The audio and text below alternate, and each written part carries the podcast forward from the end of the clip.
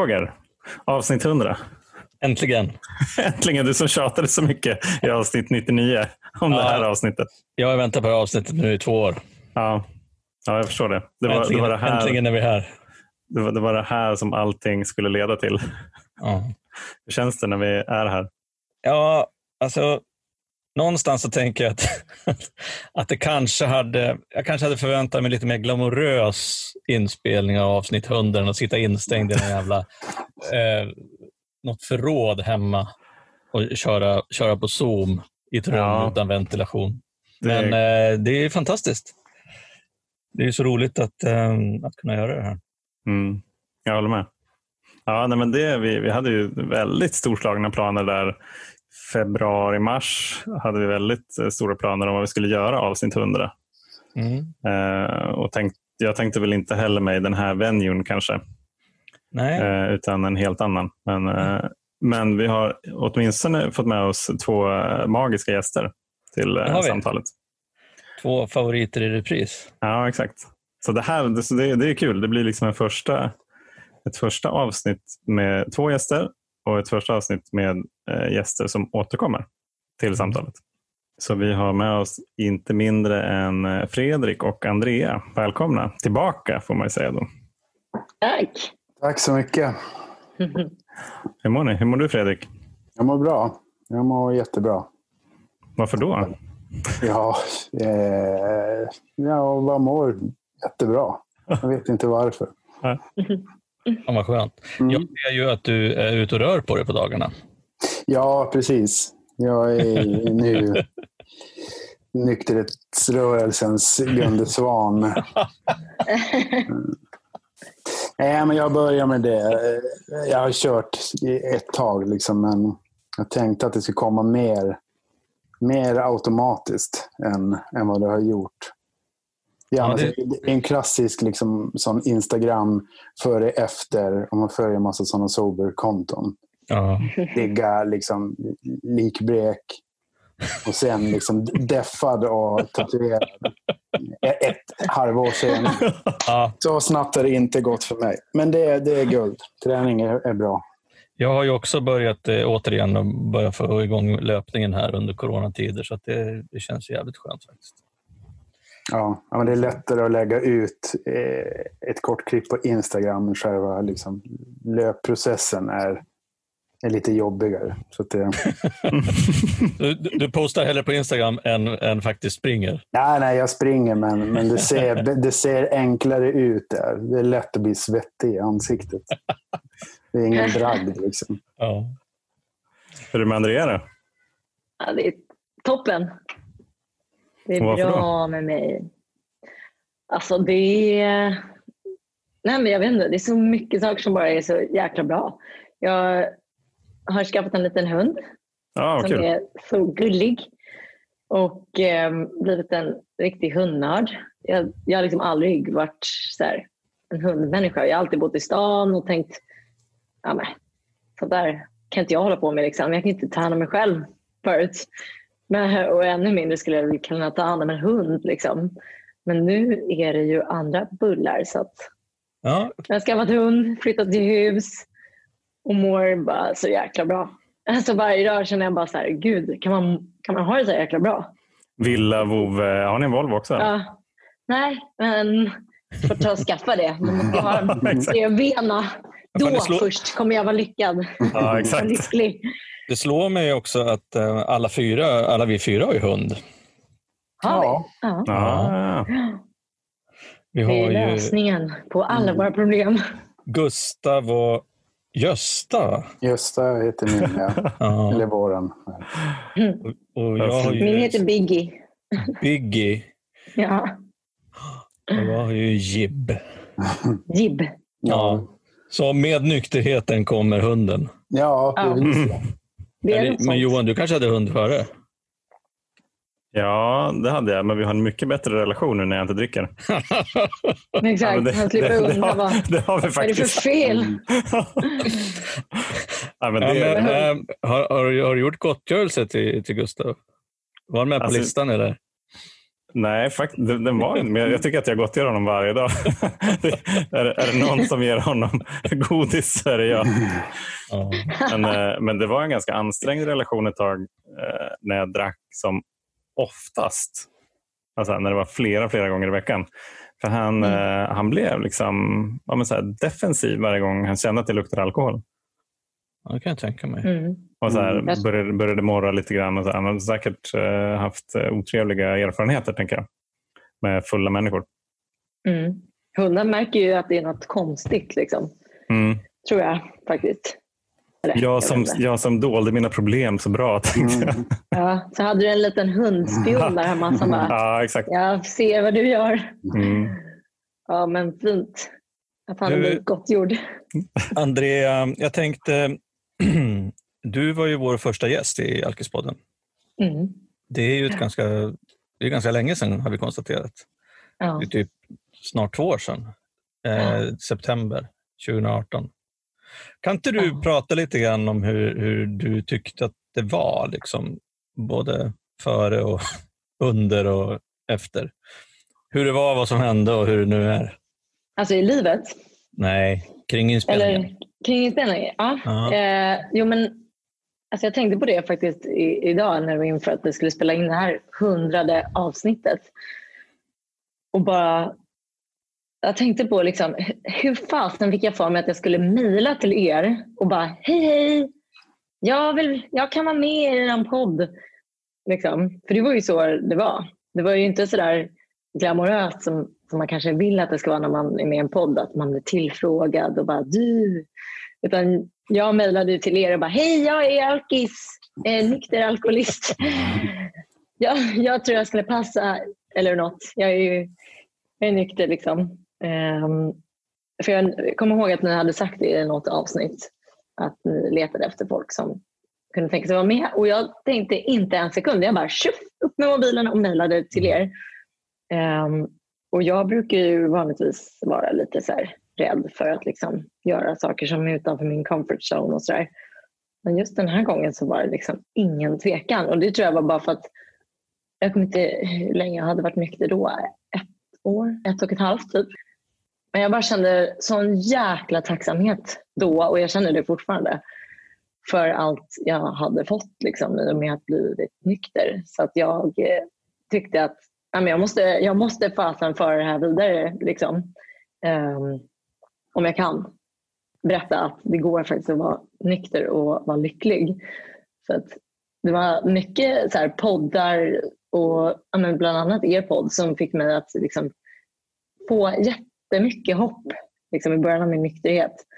Eh, så jag tyckte att podcasts i allmänhet eh, har varit så här, väldigt viktigt för mig när jag blev nykter.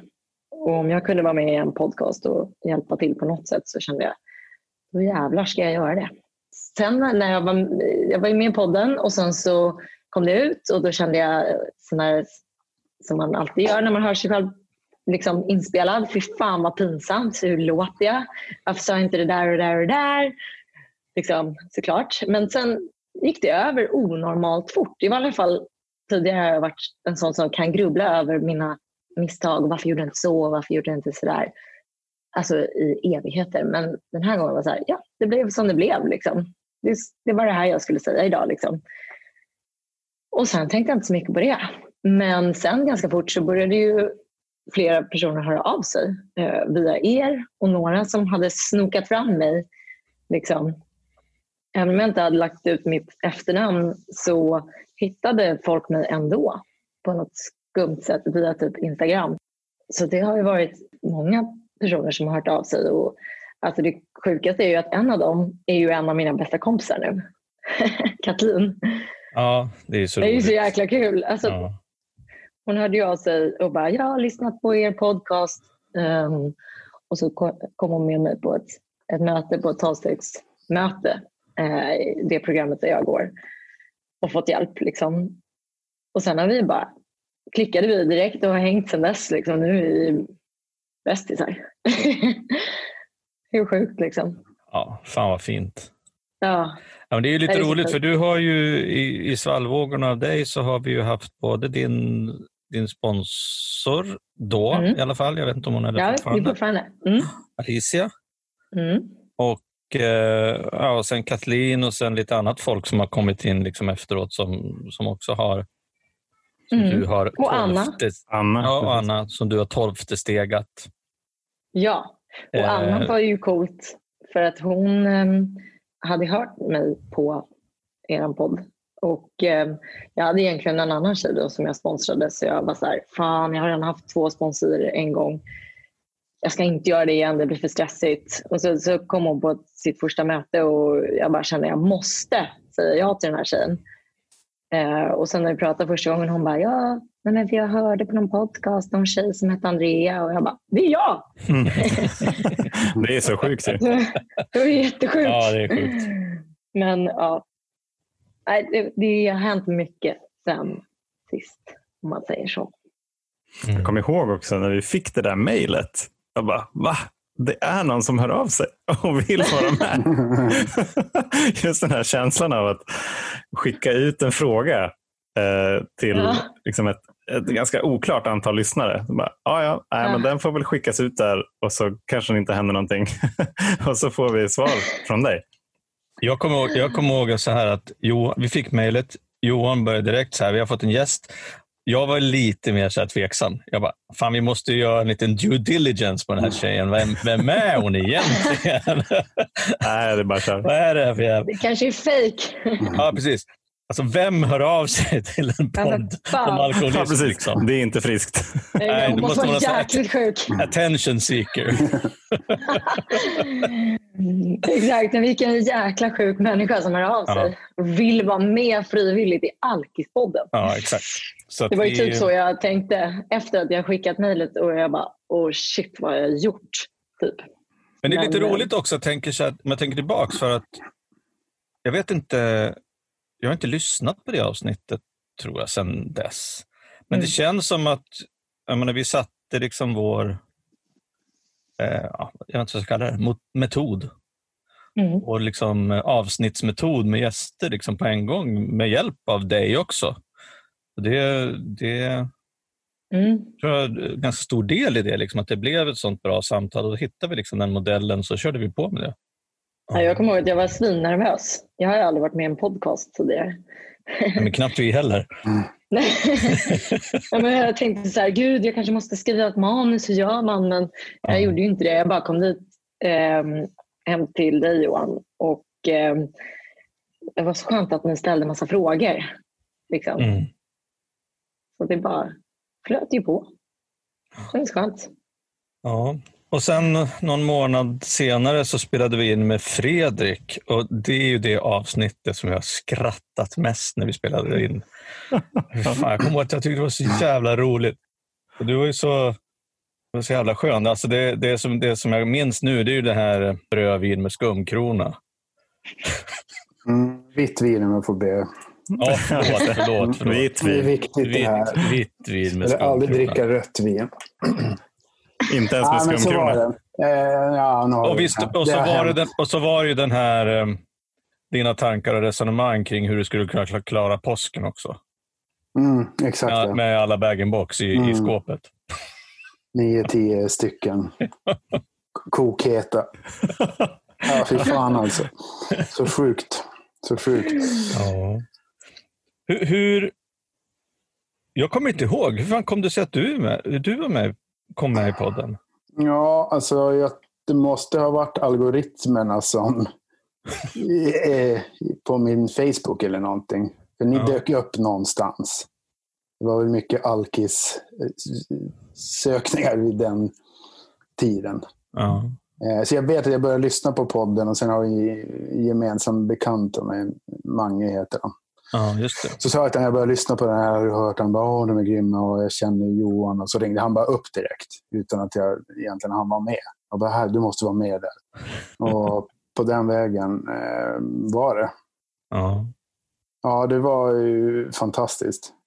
Jag, jag tvekade ingen. Det var lite grann så att jag bjöd in mig själv där också. liksom. Ja. Eh, Men eh, det har jag liksom känt hela tiden att det här har varit eh, super viktigt att vara öppen med det här. Jag har Ja. liksom varit det sedan dag ett. Liksom, sen jag klev Mm. ut från Sankt Görans beroendeakuten. Liksom, att Mm. Så här ligger det till.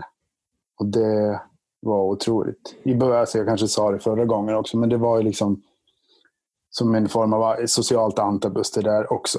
Bara det här måste ut. Alla ska veta om det här. Hur var det? Hur var det? Hörde du av dig till någon på Facebook efter att du hade blivit nykter? Typ Nicke. Borg eller något Jo, jo, jo. jo, Ja. absolut. Ja, ja. Det är ju också lite roligt att knyta ihop de här säckarna. Liksom. Jo, nej, men precis. Nej, han var ju den första liksom, jag kontaktade när jag kom ut. För jag minns ju det där när han la ut sin första bild när han hade ett år nykter. Ja. Jag bara, men nej, det här kan inte stämma. Liksom. Skämtar någon med mig? Och jag minns att det liksom slog an en grej hos mig Mm. då. Bara, kan han så kan jag. Men jag var inte redo då. Liksom.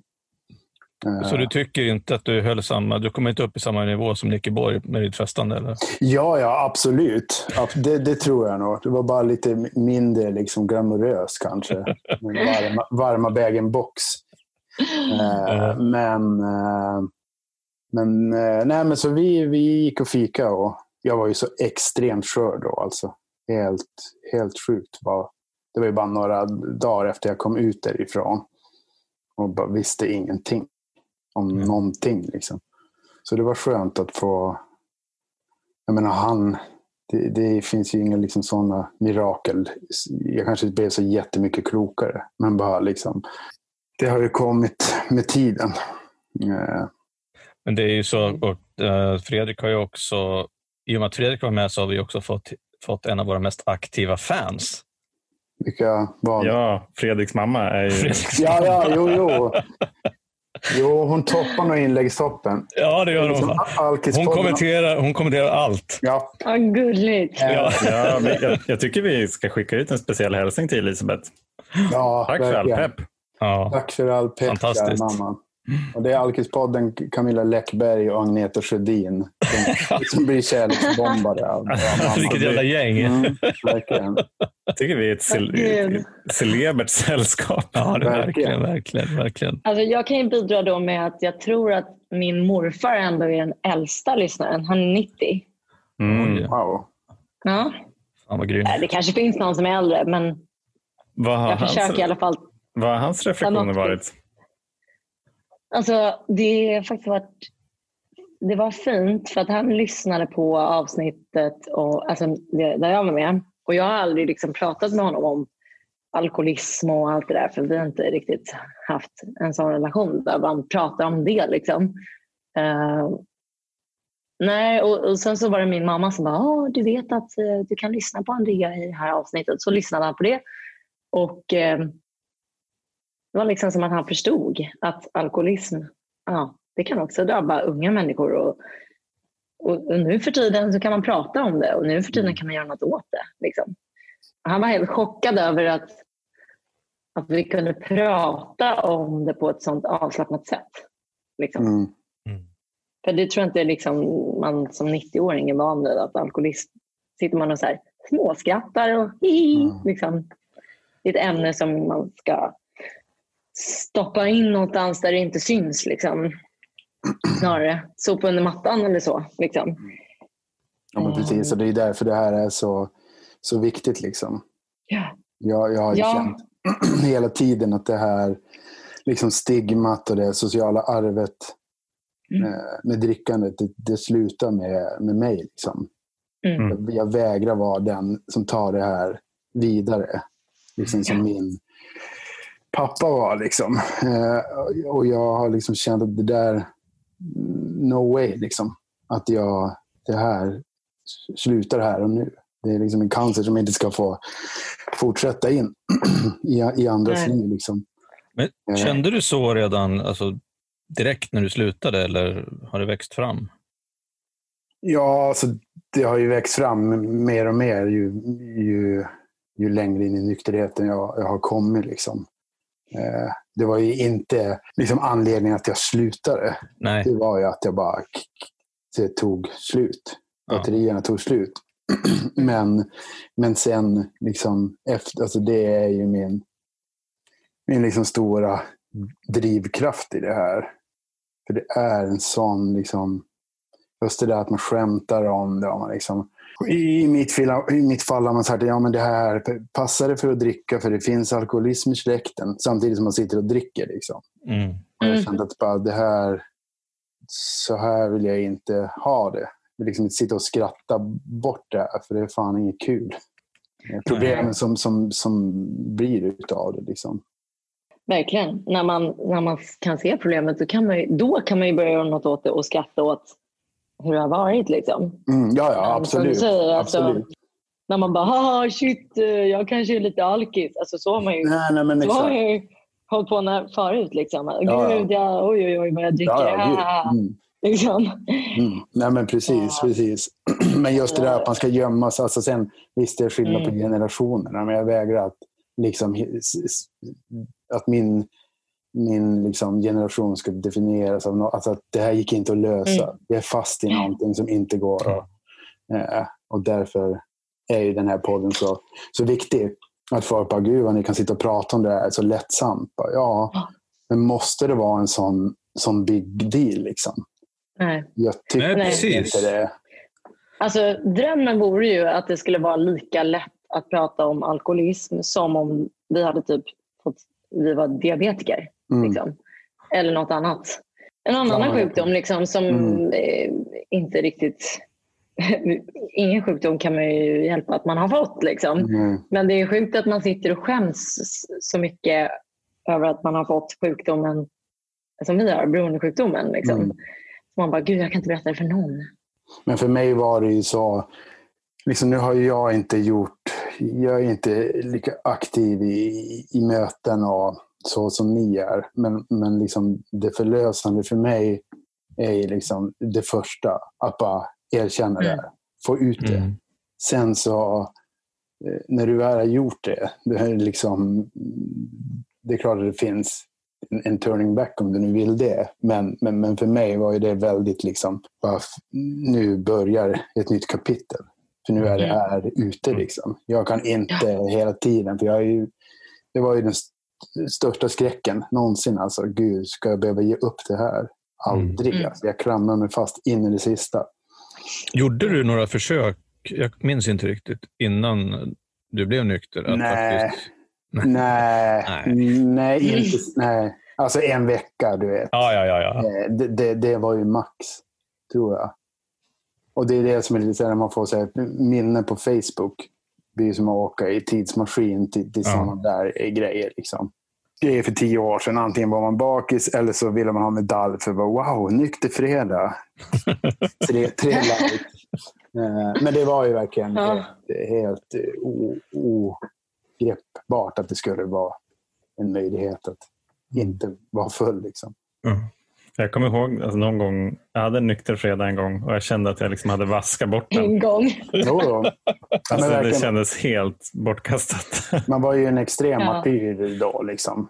ja, Ja, ja, ja, Eller ja. jag var. Och sen tog man. Framförallt, man ville ju framförallt att folk skulle veta det. Så det var ju Ja. liksom sms till alla man känner bara, nej jag är hemma ikväll, eh, dricker inte. För man var ju inte direkt ute och var nykter. Eller fan inte jag. Nej, nej. Nej, och den, Men, eh, det, Ja. det, det kvittot där, det använde jag i säkert ett år på att jag inte Ja. hade några alkoholproblem. Ja, jo. Så det var ju ganska, det var ganska värdefullt. Så. Ja, jag minns Exakt. att eh, min, eh, min exfru och jag, innan vi fick barn, så var vi ute ganska, inte mycket, men och, eh, vi bodde på landet då, utanför Västerås och hon gillade ju liksom inte att dricka. Det var ju perfekt tycker jag. Så hon körde ju bil Mm. i princip jämt. Men så fick ju hon för sig. Förmodligen därför att hon tyckte att jag drack för mycket. Vem vet? Att jag, Mm. Hon bara, kan inte du köra när vi ska ut på klubb ikväll? Oj. Och jag bara, varför då? Du ska ju ändå inte dricka. Hon bara, nej, men eh, jag vill inte köra heller. Jag tyckte det var så jävla orimligt. ja, så egoistiskt av henne. Ja, Ja, exakt. verkligen. Men jag gick ju med på det.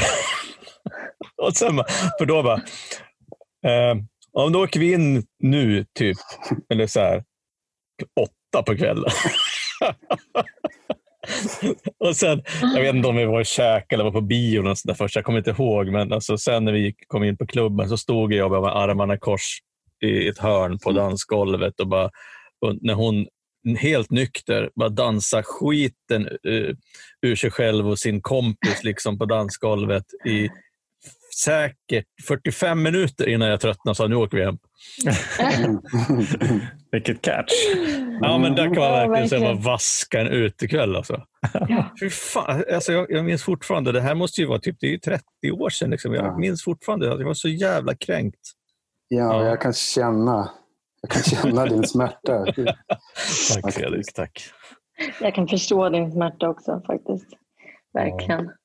Vad heter det? Vad, är nyfiken. Vad, eh, vad är några av de sakerna ni har lärt sen eh, ni var med i samtalet sist? Oj. Det är svårt. Shit. Ja.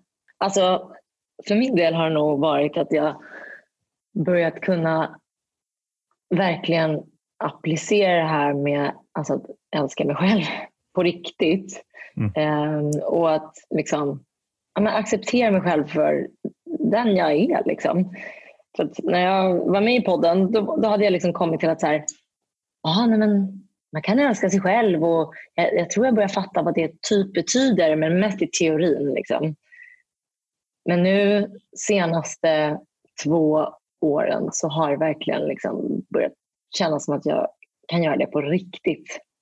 Um, och det, ja, det är svårt att förklara, men det har verkligen blivit en skillnad i hur mina tankegångar går. För tidigare så var mina tankar, alltså från morgon till kväll, väldigt mycket fokuserade på alla fel jag gjorde i livet.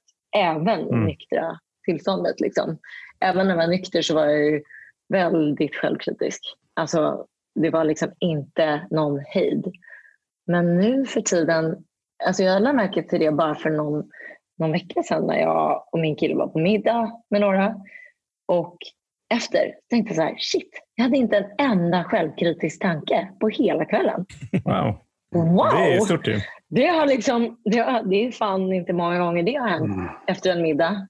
För det var ju min specialgren att liksom sitta som värsta sportkommentatorn i huvudet under middagen och bara, ah, varför sa du så? Shit. Fan, nu måste du säga något smart. Hallå, nu kommer de märka att du inte är lika påläst. Jävlar, skynda på nu. Typ, håll käften. Typ sådär. Och den här gången så var det liksom tyst. Och det, det känner jag, sådana tillfällen, att de kommer fler, fler och oftare. Det, det, det, det är inte direkt något jag har lärt mig kanske. Det har bara kommit av att jag typ tränar på att inse att fan, jag är som jag är. Det, det ska inte jag hålla på att ändra på. Liksom. Mm. Men, men var det så att du förut var medveten om att du var självkritisk? Alltså, nej, alltså, när jag var aktiv då var jag inte ens medveten om att jag höll på sådär. Då trodde jag Nej. typ att alla människor gick runt med en sån röst i huvudet. Mm. Liksom. Men jag trodde att min röst var negativ och jag trodde att alla andras röst var positiv gentemot dem. För jag tyckte att alla andra verkade som att de gjorde rätt hela tiden. Ehm, och sa rätt grejer och de var liksom så avslappnade. Alla andra förutom jag liksom, Mm. visste Konstigt. hur fan man ska bete sig här i världen. Så, att- men då, då, var jag, då var jag inte ens medveten om att så här, den där rösten i huvudet behöver man inte tro på. Liksom. Men sen när jag blev nykter så insåg jag ju alltså i och med programmet, tolvstegsprogrammet och stegen när jag började jobba med dem att så här, jäklar alltså. Det är väldigt mycket i mitt liv som har liksom bestått av rädslor. Eh, att inte duga och jag har drivits så otroligt mycket av rädslan att jag inte ska duga. Det har fått mig att liksom kämpa som en galning för att passa in liksom, istället för att bara låta mig själv vara som jag är.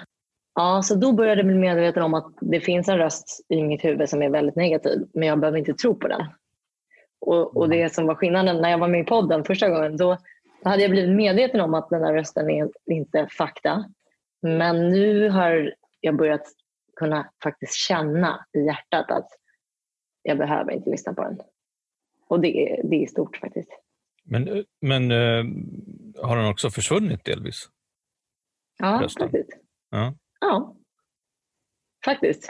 Eh, Det är liksom på alla möjliga plan. Det är allt från liksom i kompisrelationer, i min, alltså min relation med min pojkvän i, och i min relation med mig själv. Förut så, så fort jag gick förbi en spegel till exempel, då kunde jag bara hitta ett fel direkt.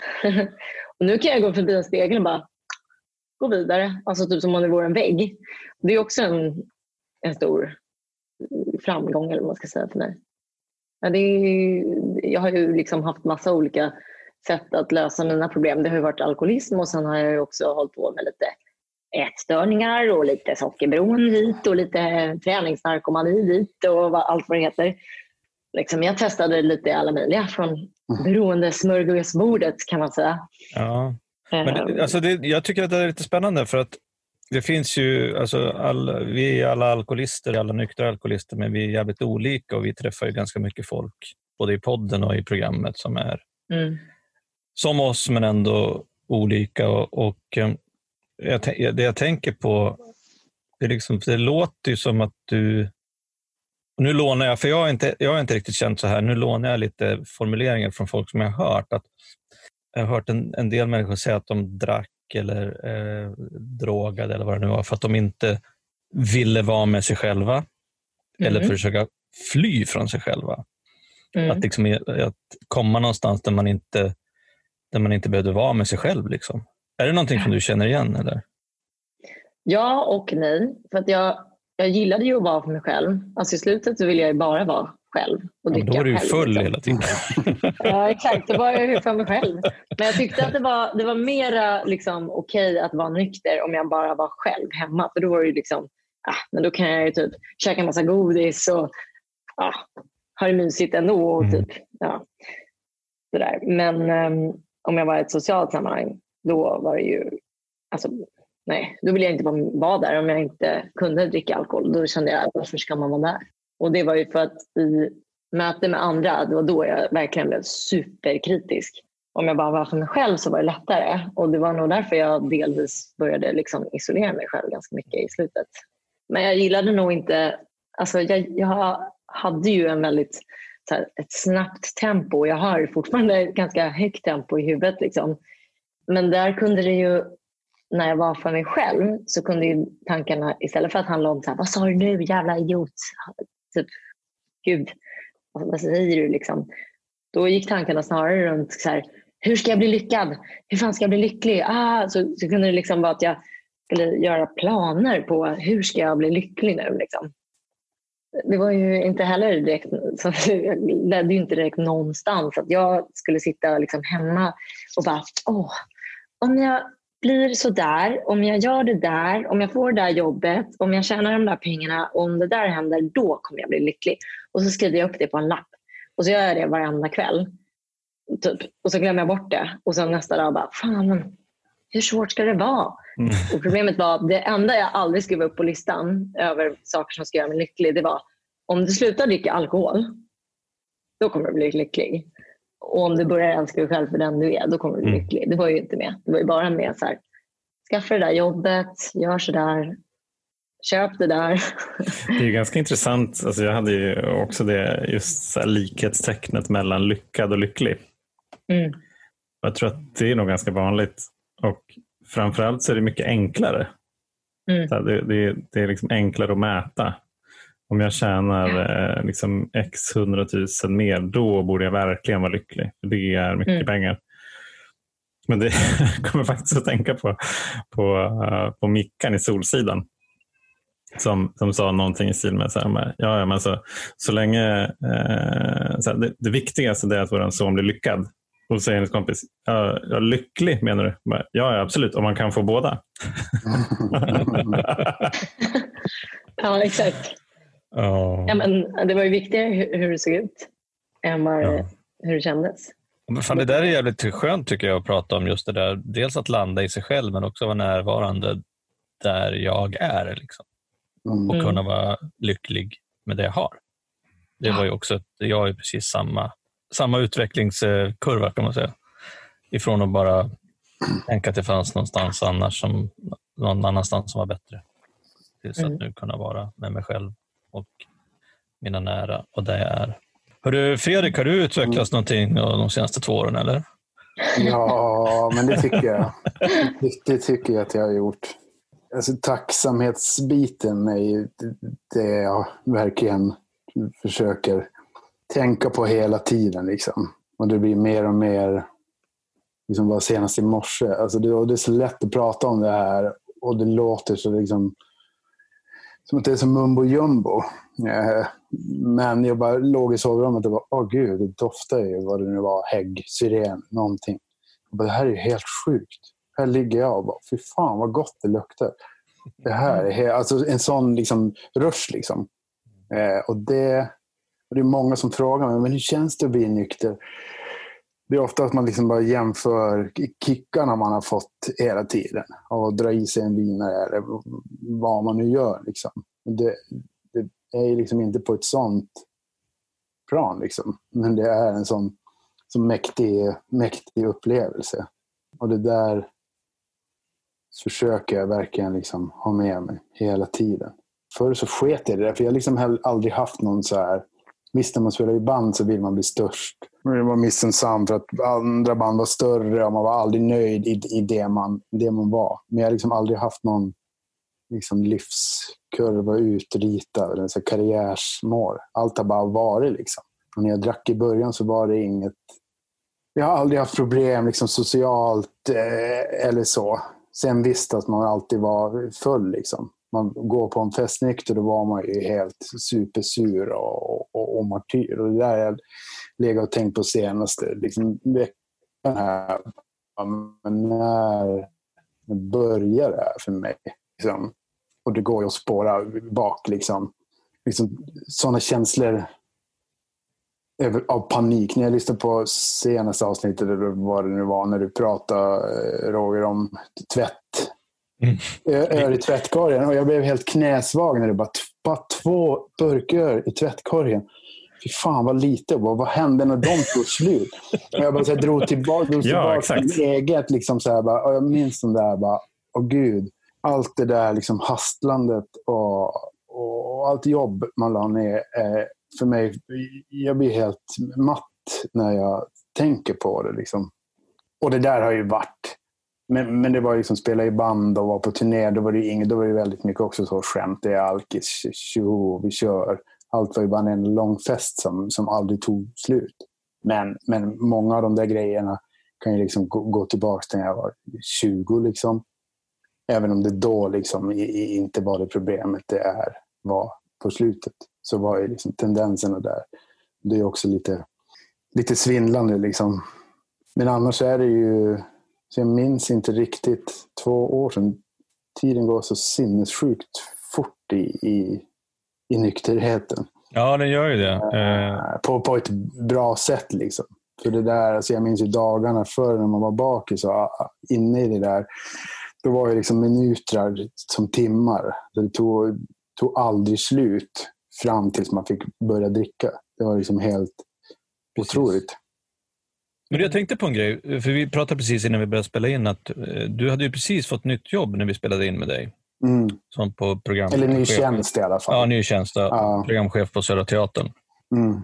Så att det betyder att förra året, då, 2019, det var ju ditt första hela år som det va? Ja, hela, hela den säsongen liksom, med terrassen och, och allt möjligt. Och, mm. och, och, Jag kan tänka mig att det var en jävla, jävla upplevelse. Liksom, mm. Att göra ett, ett helt år först. För, och sen så kom 2020. Och eh, det är väl ja, inte kanske lika mycket drag på terrassen i år. Nej, nöjesindustrin är inte i sin fulla blom. Nej, och jag, jag, tänker lite grann på liksom hur du känner att du kan hantera, eller dels hur du hanterade förra året när det var liksom massor att göra och sen hur han hanterar det här året. Så du kan liksom, I nykterheten och tänk, hur hade det varit om du inte hade varit nykter? Liksom? Ja, alltså det hade ju varit eh, hemskt. Men samtidigt så har jag övat ganska mycket på det innan. Liksom ja, okay. jag har gjort ganska mycket samma saker eh, tidigare. Men jag vet jättemånga gånger när man varit bakis så var det helt slut. Liksom. Men det är klart att det också har blivit ett jättestort lyft man gjorde ju saker så fruktansvärt jobbiga för sig själv tidigare. Fast man Ja. fattade aldrig det. Mm. Ja, nu drar jag i mig en- vinare i smyg här. Perfekt. Nu, ja, men det var bara, alltså bara jobbet att kämpa med den där. Dölja fyllan och Ja. allting. Mm. Var ju helt, jag blir helt matt. Och nu Ja. speciellt då med coronan. När man har fått gå ner i tempo liksom, generellt i, i livet. Liksom. Jag är permitterad. eh, Man har liksom fått gått ner. Jobbar inte så mycket. Jag bara, gud. Hur ska det vara möjligt att ens gå tillbaka till den där högintensiva tiden när det väl drar igång igen? Ja, alltså jag, vi, hade, vi hade en veckomöte i morse. Det pratades om att vi skulle gå upp på... Jag är också korttidspermitterad. Mm. Eller deltidspermitterad. Vi pratade om att vi skulle gå upp på, fu- på fulltid i augusti. Jag får nästan få panik. Panik. Mm. Fan ska det gå? Men ehm, det är ju spännande. Nu när vi ändå pratar lite grann om corona, eh, kan ni inte göra en liten sån här eh, i ett alternativt universum där ni fortfarande hade varit eh, aktiva nu under corona. Hur hade, hur hade den här våren sett ut då? Mhm. Alltså, jag, jag vet inte, jag har läst att det har gått upp eh, konsumtion av alkohol liksom, nu under corona. Och det kan jag verkligen tänka mig. Alltså, då har man ju massa tid att sitta hemma och liksom, jaha, nu börjar liksom after working klockan ett istället för Mm. klockan tre. Hade man ju tänkt, speciellt nu när det är vår. Liksom, eller sommar börjar, har det börjat bli också då hade det ju varit perfekt att köra lite after work med folk hela tiden. Och tänka att ja, men det här... Alltså, jag vet hur jag hade tänkt. Jag hade tänkt så här, ja, men det här är ju typ som att jobba. Gud vad bra, nu minglar jag istället. Det är ju knyta lite kontakter. Det kommer ju absolut leda till jobb. Fast att liksom, det egentligen bara hade lett till fylla och baksmälla. Mm. Men ehm, jag hade nog tagit tillfället i akt. Liksom. Ja, för mig tror jag inte det skulle ha varit så stor skillnad. Jag drack så mycket ändå. Liksom, innan. innan eh, så att jag, för så var det för mig den sista tiden. Att jag bara, okej nu har jag blivit påkommen och nu skiter jag i allt. Nu kör jag bara. Eh, liksom helt, helt obrydd i vad min omgivning tycker. För jag var ändå liksom viktigast. Jag var störst, bäst och vackrast. Ingen kan lämna mig. Ingen kan tycka något illa om mig. Eh, så. Men, eh, men det där märker man ju också liksom, utan att predika allt för mycket. Men det är så mycket skämtsamt hela tiden.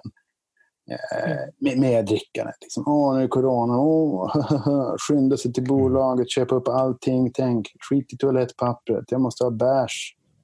Bara, Ja, visst. Ja. Men är, alltså, jag bara, det är inte så, så jävla kul alltså. Tycker jag. Nej, det är fan inte så jävla kul. Alltså, Nej. alltså, när jag tänker tillbaka på den aktiva tiden, om jag ens hade haft liksom en liten, liten känsla för att alltså, det kan ta slut på bolaget, då hade jag Mm. garanterat gått och hamstrat. Jo, jo, jag menar så tänker jag som hamstrar nio backbox under, Ja, post, under under post. posten. Jag ska ju ha tömt, upp, alltså, tömt varenda, varenda lager. Mm. Jag har det bra. Jag där, där jag bor här, vi pratade tidigare om att vi alla har hund nu också. Men Mm. från det jag blev nykter. Efter några månader så fick vi ny lägenhet. Så vi flyttade i samma hus men bara två portar ner. Så varenda gång jag går ut och rastar med lilla Gösta så kan jag se rakt in i min, vår förra lägenhet. Och liksom Mm. köksstolen där jag satt. När liksom botten krackelerade. Mm. Och det blir också en här daglig påminnelse att bara, herregud, vad, där satt jag. Liksom. Mm. Hur, hur kunde det gå så, så långt? Liksom? Och jag blir li- lite knäsvag varenda gång jag, jag tittar in där. Mm. Eh, Känns det som ett annat liv? Eller Ja, känns det så här... ja, ja, men det är he, Ja. helt och hållet. Alltså helt och, och hållet. Hur, det är så läskigt hur, hur fast man eh, var i det. Liksom. Mm. vilket fängelse det var. Jag trodde aldrig någonsin att jag bara kunde. För det är det som också där när man är skadad av kick, kickandet. Liksom, vad en liten så våg av välbefinnande eller bara vanlig lycka kan kännas så det är liksom subtil liten bris, men ändå en sån mäktig känsla som jag tidigare aldrig, det var liksom gas, allt eller inget. På, liksom det var tvungen att vara väldigt stora liksom, boostar för att jag skulle kunna känna någonting. Liksom. Mm. Eh, och det där är också otroligt magiskt. Och det var också när, vi, när vi träffades, eh, Johan och Roger, när jag och Rebecka satt och drack kaffe, när det nu var, förra sommaren.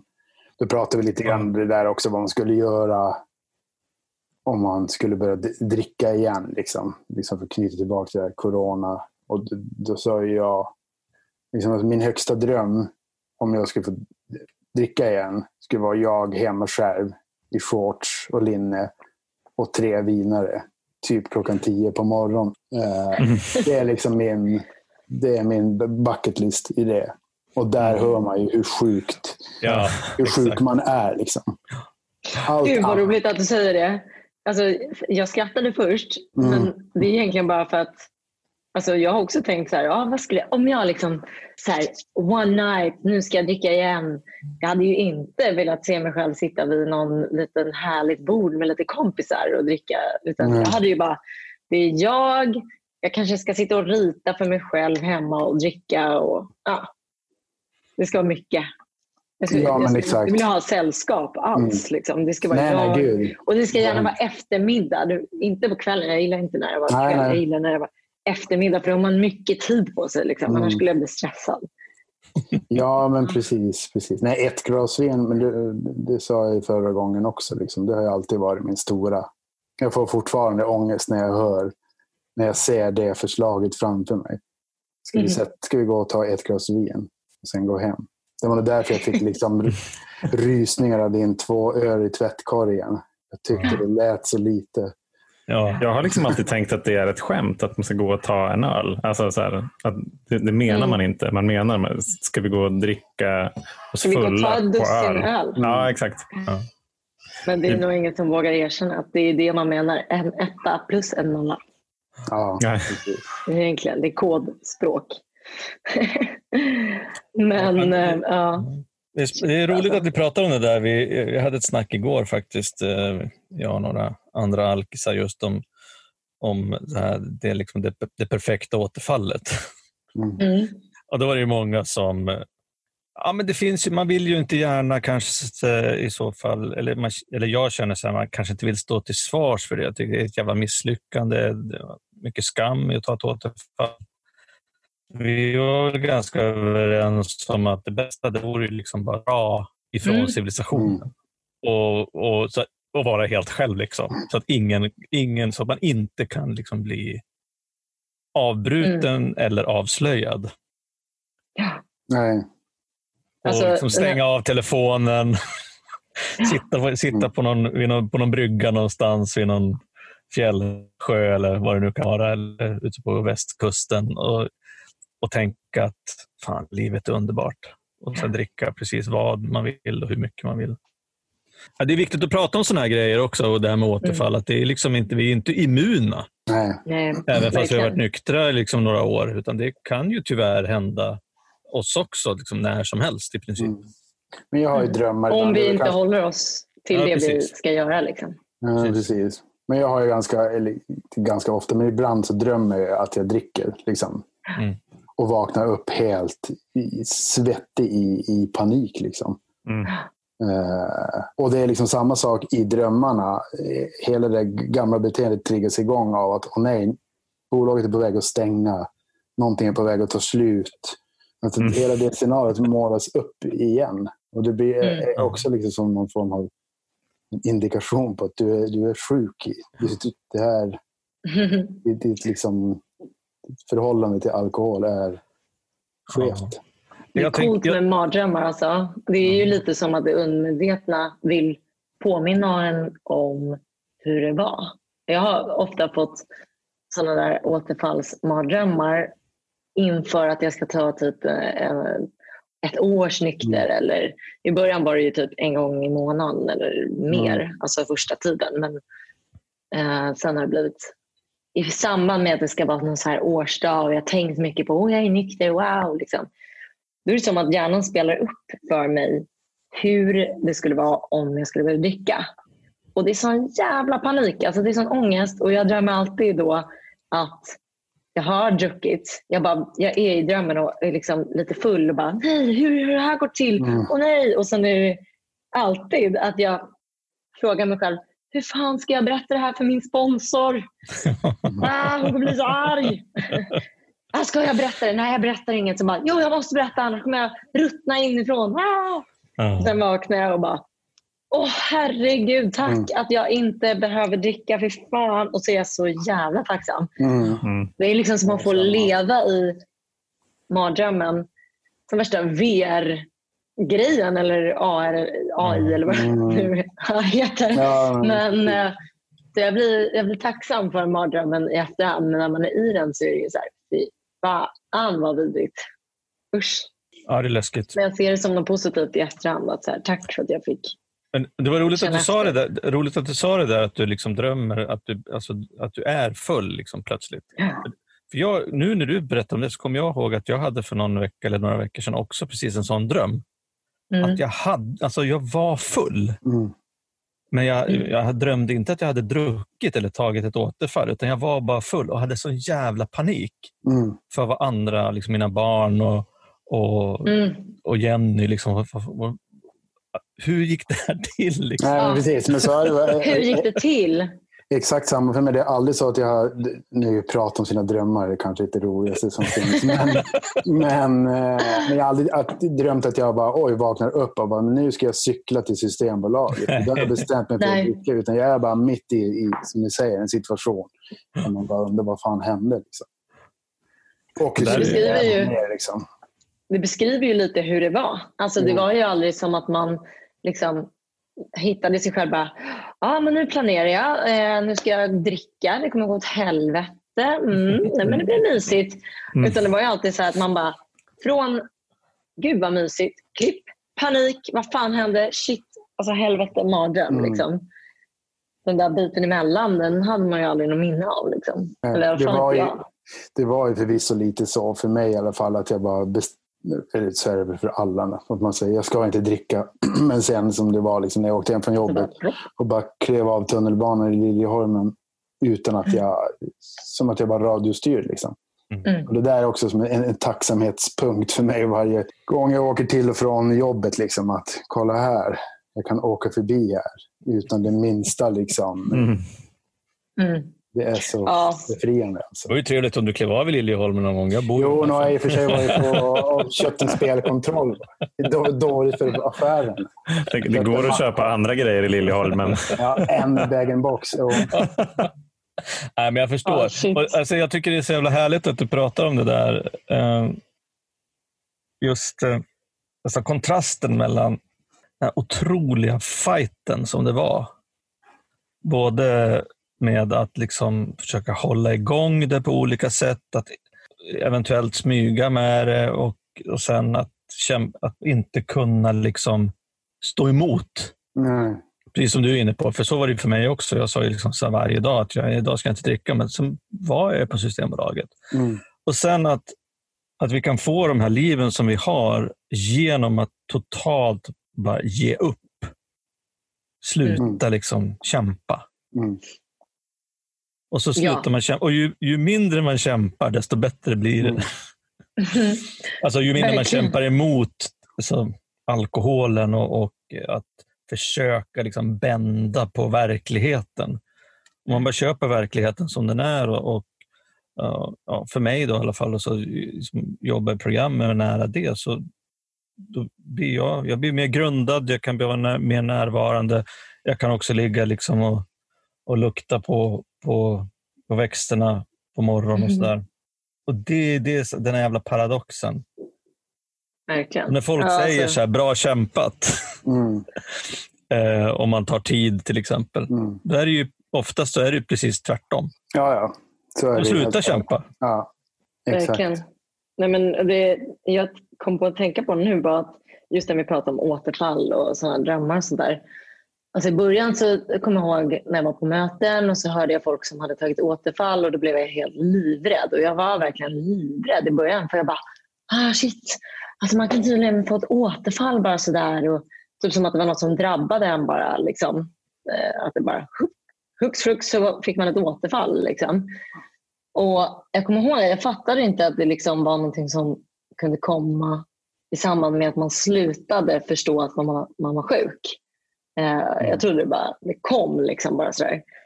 Det är ju viktigt att kanske alltså poängtera till folk som lyssnar som är lite nya. Eller liksom sådär.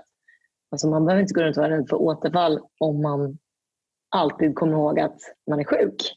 För så länge man kommer ihåg att så här, just det, jag är en person som inte klarar av alkohol. Jag vill bara ha mer. Liksom. Ja, men då, har man ju, då har man ju koll på att det här kommer inte funka. Liksom. Ja, alltså, att det går att slippa ett återfall så länge man bara håller sig till att vara ärlig mot sig själv. Ja, jag har ett mm. problem. Shit, just det, så är det. Ja, då är det ju bara att inse, jag kommer inte ta en öl. Då kan jag lika gärna skippa det. Liksom. Mm. Så nu för tiden när jag, alltså, jag går inte runt och tänker på alkohol längre, vilket är skönt. Eh, men såklart, när man går förbi någon uteservering så tänker jag så här, gud vad lyxigt de har det. Åh, tänk om jag... Och sen stannar min tanke där med mm. att så här, nej, tänk inte om jag. För jag skulle sitta där i typ en timme, tänka jävlar vad folk dricker långsamt och sen mm. skulle jag typ vilja gå hem till mig själv och dricka vidare i jättetempo. Och jag mm. kan, vet att det är så, så jag kan spela upp det scenariot för mig själv ganska fort. Så jag behöver inte ens, jag behöver inte ens bli lite suktad. Liksom, för jag vet att så här, nej, det finns inget för mig att hämta där. Liksom, en, en öl på en uteservering. Nej, mm. det kommer inte bli så. Jag kommer ihåg, jag hellre en Cola light. Mm. Jag kommer ihåg när jag var, jag var spritfri i fem år. Mm. Eh, när jag pluggade mellan 20 och 25. Och då precis, eh, eller så här, under den här tiden så tänkte jag liksom flera gånger att så här, ah, fan, ni skulle bara veta hur mycket jag kan dricka. Här, om, om, jag, om, om jag satt här med er på utserveringen, jävlar, ni skulle, ni skulle inte tro att det var sant. Typ. Ja, exakt. Så, att, eh, så när jag väl drog igång maskineriet igen när jag var 25, mm. då fan vad jag drack. Eh, och så tog jag igen de där fem åren på tio år. Mm. eh, men en, ja, gud alltså. Du hade ju säkert vunnit alla drickartävlingar där.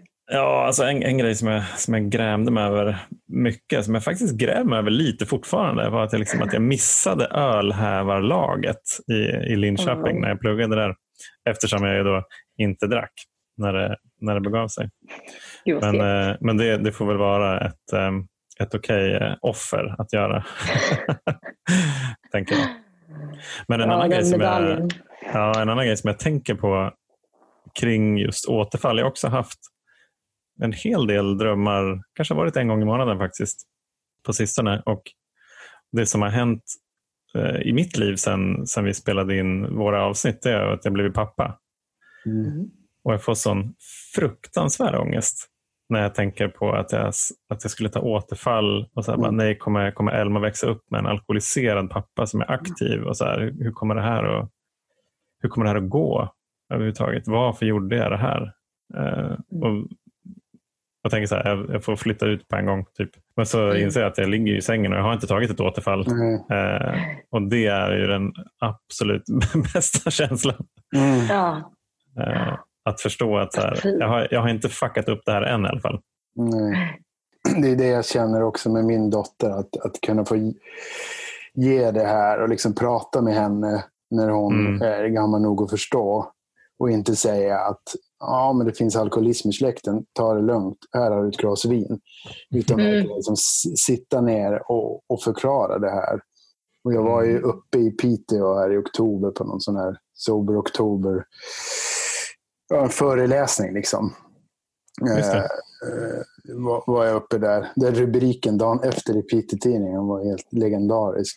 Och liksom, från hyllad punktrummis till alkoholist. Punkt. That's it. vilken, vilken framgångsresa. Liksom. Kan du inte vara hyllad alkoholist i alla fall? Ja, jag menar det. Men, men hur som haver, där, där var jag. De ringde mig och jag liksom tackade ja eh, direkt. Tänkte det här vill jag göra. Eh, och då var jag också liksom väldigt öppen och, och sa det att jag på slutet när jag drack så hade jag liksom förlikat mig med det. Att jag kommer att supa ihjäl mig. Bara förlåt, förlåt min dotter. Liksom. Men jag kan inte mm. komma ur det här.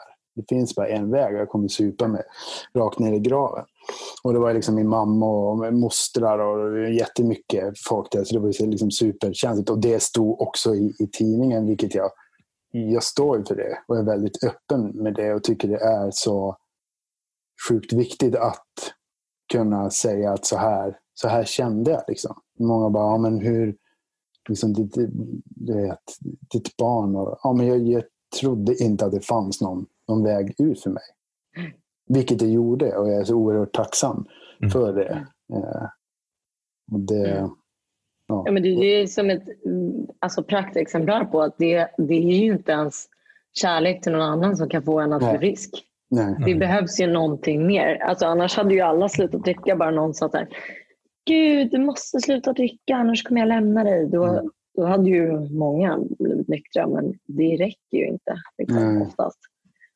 Uh, där, eller att barn jag, säger det till föräldrar. Alltså, det har ju inte hjälpt. Man måste, kunnat, ju, man måste ju nå botten själv. Jag har ju kunnat prata med mina barn som är vuxna nu då, om mm. vissa grejer som hände liksom, även, vi har haft snack liksom, även efter jag gottgjorde dem. Men eh, alltså, när, när jag nu liksom pratar med dem och säger så här, men jag om händelser eller beslut eller saker jag sagt liksom, eller vad jag gjorde. Alltså jag kunde inte göra något annat då. Jag hade liksom inte kraften att göra på något annat sätt. Jag var helt besatt liksom, mm. av att dricka. Mm. Och jag vet inte om de förstår. De förstår inte hur det känns, men de kan ju förstå. De, tycker att det är en, en okej okay förklaring mm. idag. De börjar fatta, eller de fattar liksom att ja, när, när pappa var så där så var han inte så för att han var dum. Mm. Eller för att han ville liksom att vi skulle må dåligt, utan för att jag inte jag kunde inte göra något annat. Liksom. Mm. Ja, jag, och jag håller med det som du säger också Fredrik. Och, och Ehm, just det där att kunna, att kunna prata om det här, mina ungar, liksom på ett normalt sätt och ge dem liksom en nykter pappa, även fast de är vuxna nu. Liksom, det, är ju, mm. det, är ju, det är jag så jävla tacksam för. också. Mm. mm. Det är det jag tycker också att det är så viktigt att, att kunna vara ärlig med det där och förklara just det. Även om det låter helt eh, super, supersvårt för någon som inte är alkoholist att ta in. Att, men vadå? Du kan inte. Klart man kan. Bara, nej, men det, det, det gick inte. Tro mig. Jag var helt... Det var en omöjlighet. In, alltså, mm. Att vara full var ett, topp mm. ett på listan. Liksom. Inget annat gick mm. att... Det var tvunget att vara så. Liksom. Och för mig som ändå alltså, det, det känns så, så hemskt liksom, att höra att folk sitter inne med sån skam. Eh, att man drar sig för att liksom, så har det ju varit liksom i, i min närhet, en, en, en, del personer. Det har varit så liksom tabubelagt att det här, det här följer med mig i graven. Det här är min resa. Jag, jag kan inte... Det är inte värt liksom att, att, att ta skammen, att erkänna det här. Eh, och det, det är liksom, känner jag det absolut liksom viktigaste för att få folk att kunna ta steget. Att, släpp det där. Alltså, ja. det, det ja, dels skammen och dels alltså, rädslan för att man typ inte ska kunna överleva ett nyktert liv. Mm. För det är ju lite som att när man är en aktiv alkoholist så, så även om man alltid hör folk säga att ja, men alkohol det är en så social grej. Alltså, det hörde vi ju på när vi pratade nyss mm. om vad skulle du göra om du drack igen? Bara, jag skulle sitta hemma, jag skulle sitta mm. hemma själv, jag skulle sitta hemma själv hur socialt är det liksom? Mm. Eh, utan visst, det är en social grej att dricka alkohol, men det är också för oss, eller för, för många, är det ju självmedicinering. Liksom. Mm. Ja, det är ju typ som att man är, när man är nykter, eller när man är en aktiv alkoholist, så är det ju liksom som att man tror att om inte jag får min medicin, då dör jag. Mm. Mm. Eh, även om man inte säger det högt. Så för mig var det ju så här, jag måste ju ha det här. För jag mår så dåligt annars. Liksom. Mm.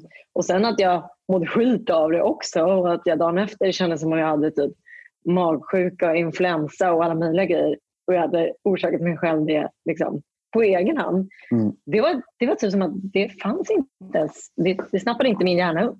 Den snappade ju bara upp det där som hände innan, att jag mådde bra och sådär. Mm. Ehm, ja, så det, det är ju liksom, det är ju en känsla av att om jag inte får min medicin så kommer jag typ att dö.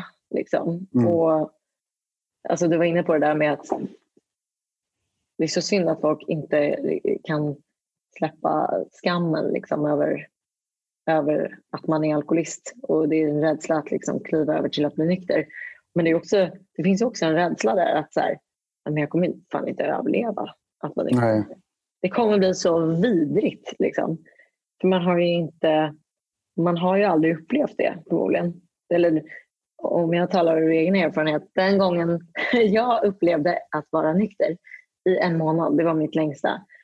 Då hade jag ju en skittråkig detox som jag bestämde mig för för att jag behövde liksom få en paus från mitt festande. Och då typ åt jag grönsaker och satt hemma i en månad och hade supertråkigt. Mm. Så det var ju min bild av hur det var att vara nykter. Och den månaden avslutade jag ju liksom med att gå ut och dricka så jäkla mycket shots. Och bara, alltså alla, jag har varit nykter i en månad. Woo! Då kunde jag ta igen det liksom och bara, ja, jag har rätt till det här. Eh, och fortsätta leva på den månaden. Det går ju faktiskt att ha ett roligt liv och vara nykter. Det är det som är så, alltså det är det som är så häftigt och det är det som är så viktigt att, typ som i den här podden, ni förmedlar. Ja, men precis. Jag känner liksom en, en topp tre-lista är liksom strunta i skammen. Två, du tror att det är en livsviktig medicin, men det, är liksom, Ja. det förgiftar dig. Och tre, Ja. det blir så sjukt mycket bättre.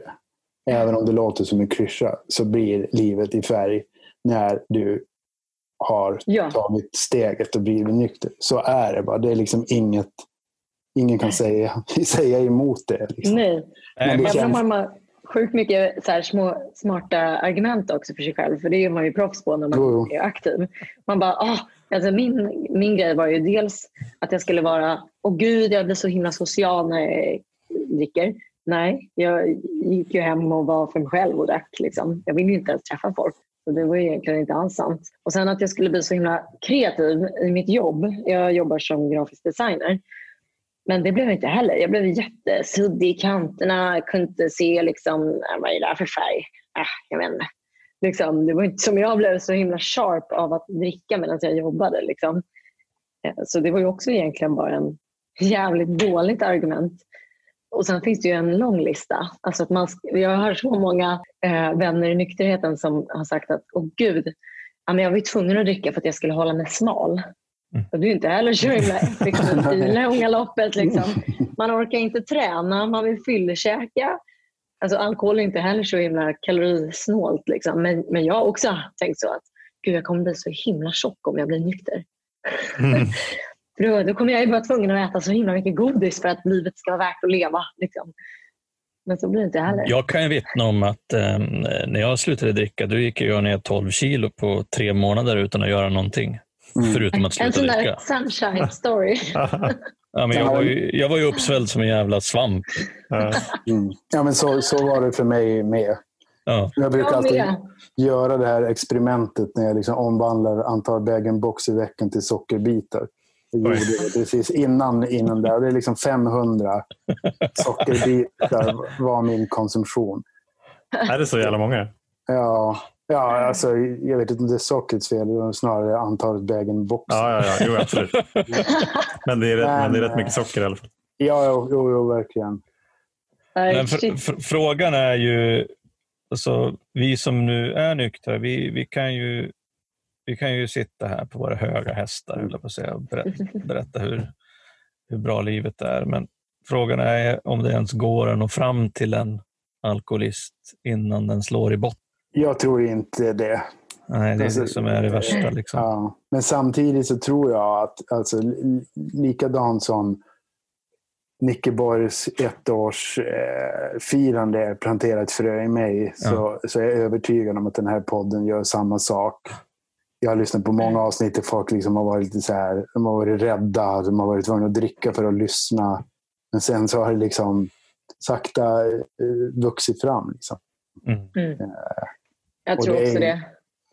Det är ju det som har varit så otroligt vackert av att ha fått vara med i, er podd. Eh, De meddelanden man har fått. Jag fick ett senast förra veckan med en person som liksom hörde av sig två dagar efter han hade liksom outat att jag är alkis till, min, till sin familj. Och sen tog han sitt första år. Och jag var liksom Mm. tvungen att sätta mig och få gåshud när jag, när jag pratar om det nu. Bara, det här är helt sinnessjukt. Liksom. När saker i, i mitt tidigare liv, när man liksom, om det var jobb eller karriär, bandet skulle bli störst. Det, nå- något sånt här skulle jag inte brytt mig om. Sen var jag inte liksom nykter då, men, men jag skulle inte kunna ta in en sån sak som det har blivit av det här. Det, det känns Mm. helt, helt overkligt och magiskt. Mm. Ja, alltså jag håller med. De, liksom, den lyckan jag kunde få tidigare av att liksom, eh, landa ett jättefett jobb eller någonting, något uppdrag eller något sånt där. Alltså det är inte närheten av lyckan när man har fått ett meddelande på typ Facebook från någon som bara “jag har lyssnat på den där podden och jag tror jag skulle vilja bli nykter, typ hur gör man?” Eller någon som bara “jag har varit nykter i en vecka” eller Mm. Mm. någon som vill hänga med på ett möte. Alltså då, då blir jag så jäkla lycklig. Mm. Och så känner jag bara så här, att det, det känns så coolt på något sätt. Att det finns, att det finns en sida av det här alkoholistmyntet som är helt jävla hemskt och där man är ensam och det är mörkt. Liksom. Och sen finns det en annan sida av myntet som är så här, alltså man kan få uppleva ren lycka och sån sjuk gemenskap. Man kan få så mycket kärlek liksom, och möta folk Typ att vi fyra sitter här och har värsta öppna samtalet. Liksom. På ett sätt som jag inte hade kunnat drömma om i mitt tidigare liv. Alltså det, den sidan av det här myntet är så helt fantastisk. Liksom.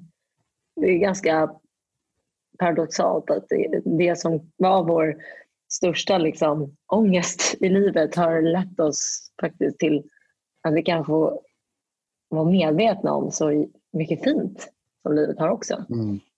Jag tror säkert om, om, om den här podden hade funnits när jag var aktiv så tror jag säkert att jag hade hjälpt till att putta mig över kanten tidigare. För jag satt liksom och, och surfade liksom alkoholhjälpen och det finns ju jättemånga bra liksom sidor. Men just det här forumet gör det mycket lättare för mig liksom att, kunna greppa problematiken i det här liksom, än, än att gå in på någon så här ja, Vårdguiden och känns så statiskt och så torrt. Liksom. Att bara Ja. få lyssna. eh, Och det är väl, det är väl ett exempel att, att, folk, att man har lyckats liksom inspirera folk. Och det är ju mäktigt. Gud, jag gjorde samma sak. Jag tittade på, så här, på sajter som IQ och så här, som är jättebra Mm. att de finns. Liksom. Och jag typ ringde till och med till IQ, någon så här, alkohollinjen och bara Hello, jag frågar åt en kompis. Eh, Vad ska man göra när man inte kan dricka normalt? Och, det ledde till att jag kom på någon behandling och lite grejer sådär. Men alltså, det fanns aldrig riktigt någon så här, något ansikte utåt som jag kunde liksom, relatera till. För att de andra mm, personerna jag hittade när jag googlade, jag googlade ju rätt mycket liksom, människor som hade blivit nyktra. Det var ju bara så här, kändisar. Och det var ju härligt på ett sätt för då kunde jag liksom känna oh, det är nästan lite glamoröst att vara alkoholist. Bradley Cooper till exempel, och han är cool. Mm. Liksom, och så där. Men det fanns ju en annan del av det som sa att ja, men det kan ha, han kan bli nykter och alla de där coola tjejerna som är skådisar och skitsnygga, de kan bli nyktra. Men det är klart, de är ju redan, de, de är ju redan lyckade och det är enklare för dem om man är bara en vanlig person i Stockholm. Liksom. Det är inte lika glammigt att vara alkoholist då, tänkte jag. Och, nej, det här kan inte jag. Nej, det är inget för mig liksom, att gå och bli nykter. Och det, då är det så skönt att kunna lyssna på faktiskt vanliga människor inom situationstecken. Som ni som liksom inte var så här att gå på röda mattan personer och ja, med vanliga liv liksom, som hade kunnat bli nyktra. Alltså det, det betyder sjukt mycket tror jag. Det är lite kul det där för jag har ju aldrig gått så mycket på röda mattan eh, i, i nykterheten som, alltså det är här, mer i nykterheten än vad jag drömde om när jag var aktiv. det är coolt ju.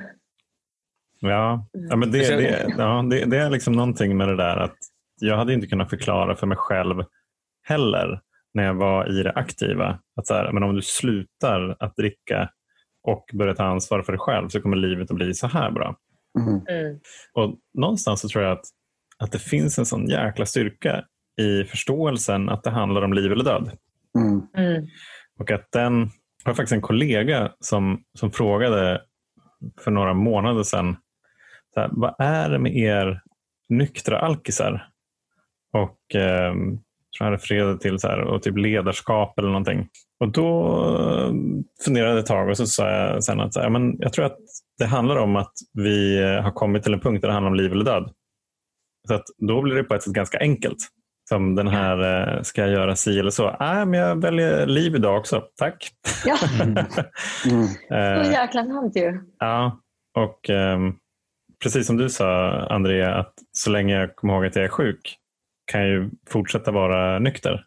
Och Mm. för, för mig så är det den där att så länge jag kommer ihåg att det handlar om liv eller död så kommer jag att göra det jag behöver. Ja. Och det är ju viktigt att komma ihåg att så här, jag kommer ihåg att min sponsor Alicia som också varit med i podden, hon sa det i början när vi skulle göra första steget så sa hon så här, ja men, men vet du vad den här onda cirkeln kommer leda till i slutändan? Liksom av din mentala besatthet, fysiska allergi och andliga bristen. Liksom som man brukar beskriva sjukdomen med. Och jag bara, nej vad kommer det leda till? Hon bara, död. Och jag tänkte så här, äh, nu överdriver du lite. Alltså, det kommer nog ta många år innan jag får så här skrumplever. liksom. Tänkte Mm. jag, för att jag bara, men jag är ung, det här det, det är inte fara för mig. Och då var det så jäkla bra att hon sa att det, det behöver inte bara innebära liksom, att man super ihjäl sig och får någon dålig lever och dör av det. Utan det kan, du kan dö av att du ja, men dels tar livet av dig. Liksom, det leder till att du tar en överdos eller någonting sånt. Det är inte meningen. Eller, alltså, man utsätter ju sig själv för riktigt stor fara ofta när man är Mm. riktigt packad och inte vet vad man är.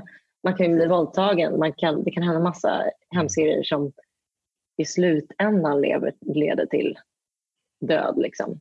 Eh, och det var så bra när hon sa det. För att då kan jag känna så här, ja, det kan jag relatera till. Det där kan ju hända mig. Jag kan verkligen se hur jag skulle snabbspola åren och se att jag var sjukt olycklig och hade isolerat mig själv och var ensam och kände att det är ingen idé att leva. Liksom. Så att det är viktigt att, eller det var viktigt för mig att komma ihåg att det är ingen överdrift. Det kan liksom leda till döden. Eh, men kanske inte just på det där sättet. Ja, det där gammelmodiga sättet att man, man är alkoholist och så dör man av skrumplever. Nej, precis. En annan grej, det är också liksom skönt att kunna att facea sina problem nykter. Det har jag liksom varit helt sämst på i, tidigare. Alltid liksom Mm. varit något hemskt, bara druckit bort det. Liksom. Och det där är också en, en magisk känsla. Att man liksom kan navigera genom någonting riktigt turbulent med klart huvud och komma ut på andra sidan och bara det här gick betydligt bättre än mina tidigare tricks. Liksom. Mm. Eh, Ja. ja, alltså du var inne på det att eh, Fredrik, du snackade ju om att ja, men, jäklar vad svårt man har gjort det liksom för sig Mm. själv. Att eh, sitta och dricka en vinflaska under jobbtid och liksom, Mm. hur enkelt är det att jobba då? och det, det, det tänkte jag på ganska mycket nu i nykterheten i början. För jag, först var jag så här, gud det kommer bli svårt att jobba och allting kommer bli så himla svårt och gud vad svårt. Och sen insåg jag, jäklar! Alltså tänk att jag har lyckats jobba trots att jag har Mm. druckit. Mm. Att jag har lyckats ha relationer trots att jag har druckit och jag har lyckats ha kvar kompisar trots att jag har druckit. Alltså jag har ju fan gjort en extrem liksom, hinderbana för mig själv Mm. av, av alkohol. för att liksom, Ja. försöka göra livet svårt för mig. Det är ju så sjukt mycket lättare när man inte dricker, insåg jag ju sen. Men det, det tog ju ett tag in- innan jag liksom, kom till den punkten. Men en annan sak jag, tänk, jag tänkte på bara nu när vi snackade om vad som har hänt liksom, de senaste åren. Jag, jag bara undrar, hur har det varit för er med vän, vänner? vänskapsrelationer i, i nykterheten? Ja, Tyst, tystnad. nej, men alltså jag, eh, Vi umgås bara med varandra. Ja, exakt.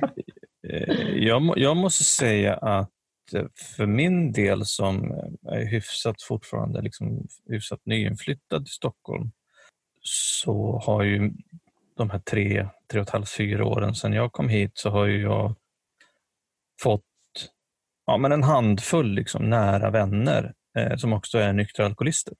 Ja. Eh, och som, eh, som verkligen liksom, där man kan, som man kan göra allt med. Allt som man då vill göra när man är nykter. Men liksom, så att, och jag har också börjat återknyta vänskapen med en av mina barndomskompisar som också har kommit till programmet nu Mm. eh, senaste månaden. Vilket är, ja, vilket är jävligt häftigt. Så för, för min del, det var ju du som sa det tror jag Andrea, just där att byta ut den här isoleringen mot, mot gemenskap. Mm.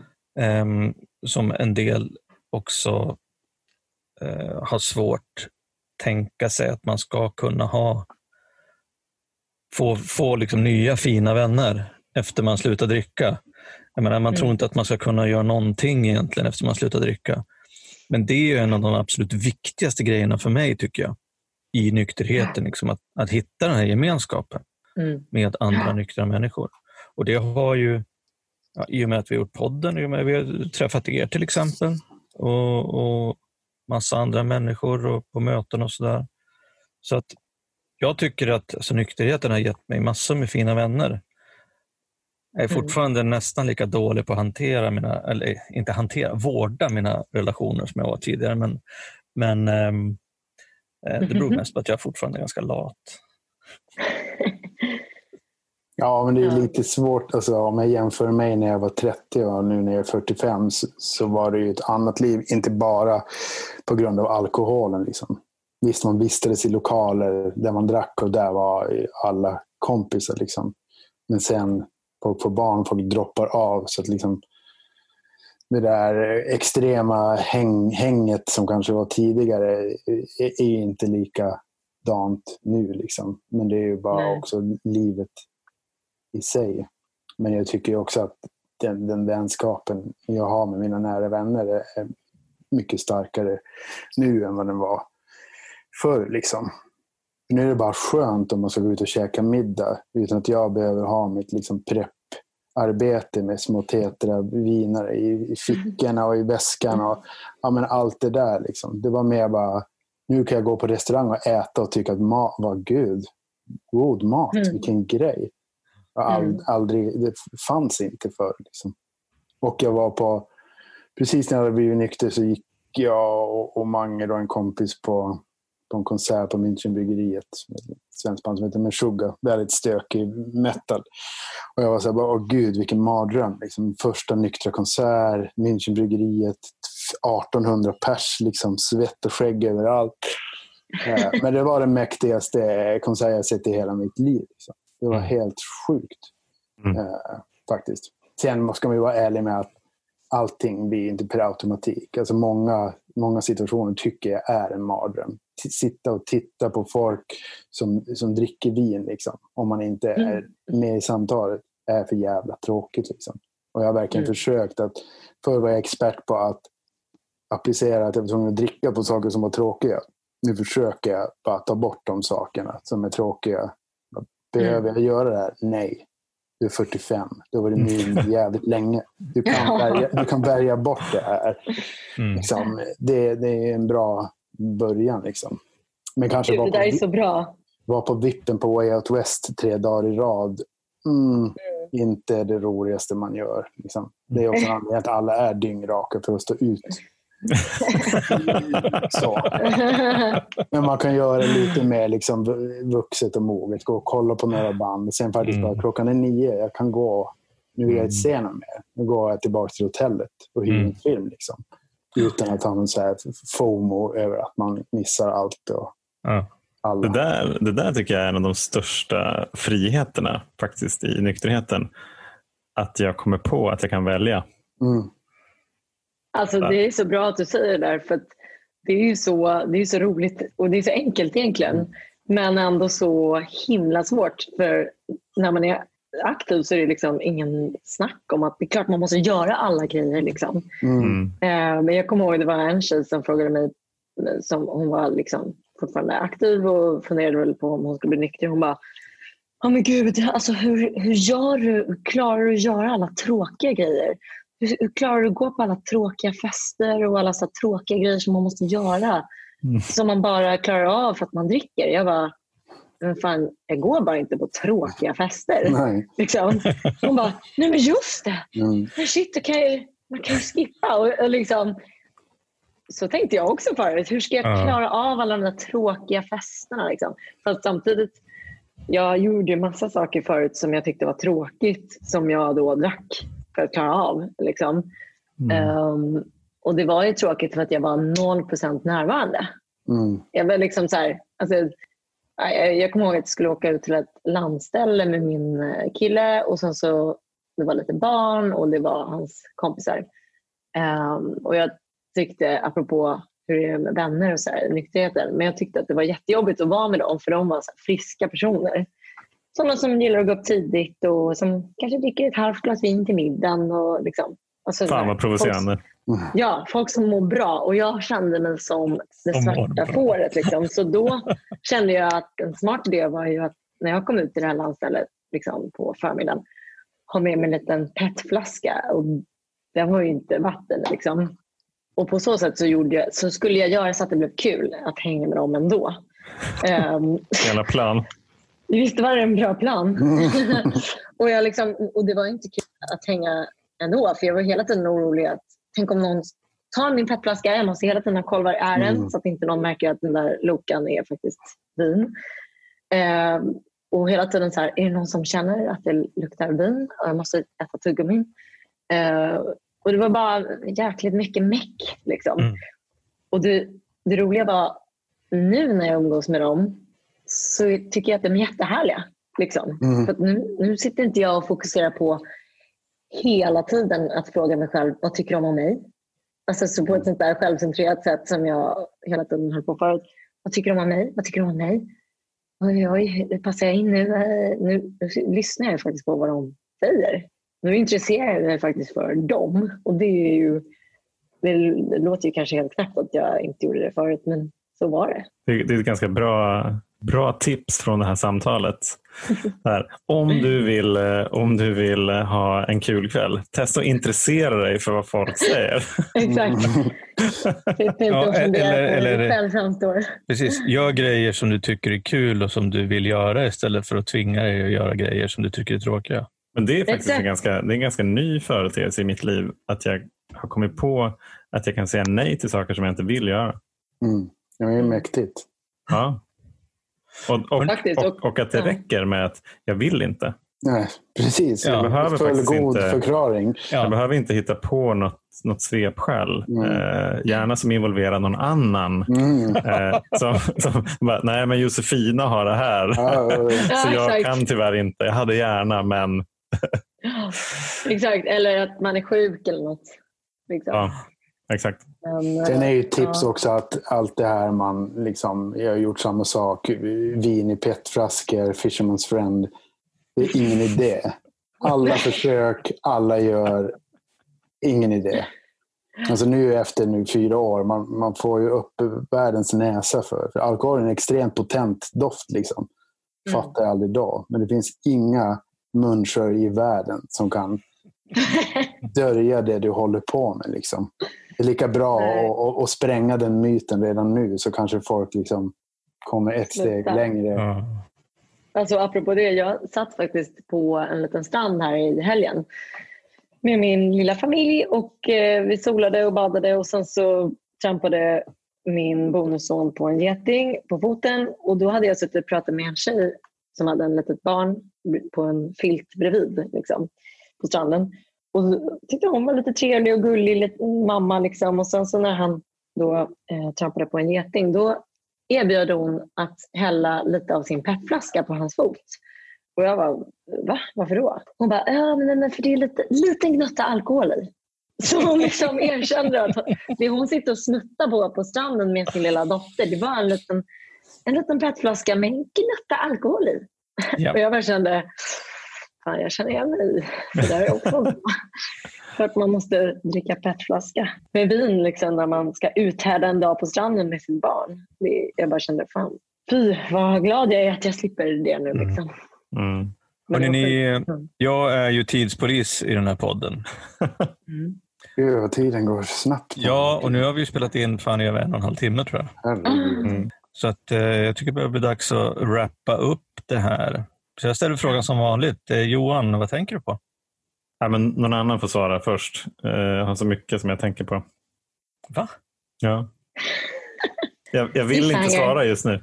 Mm. Vilken, vä- vilken vändning.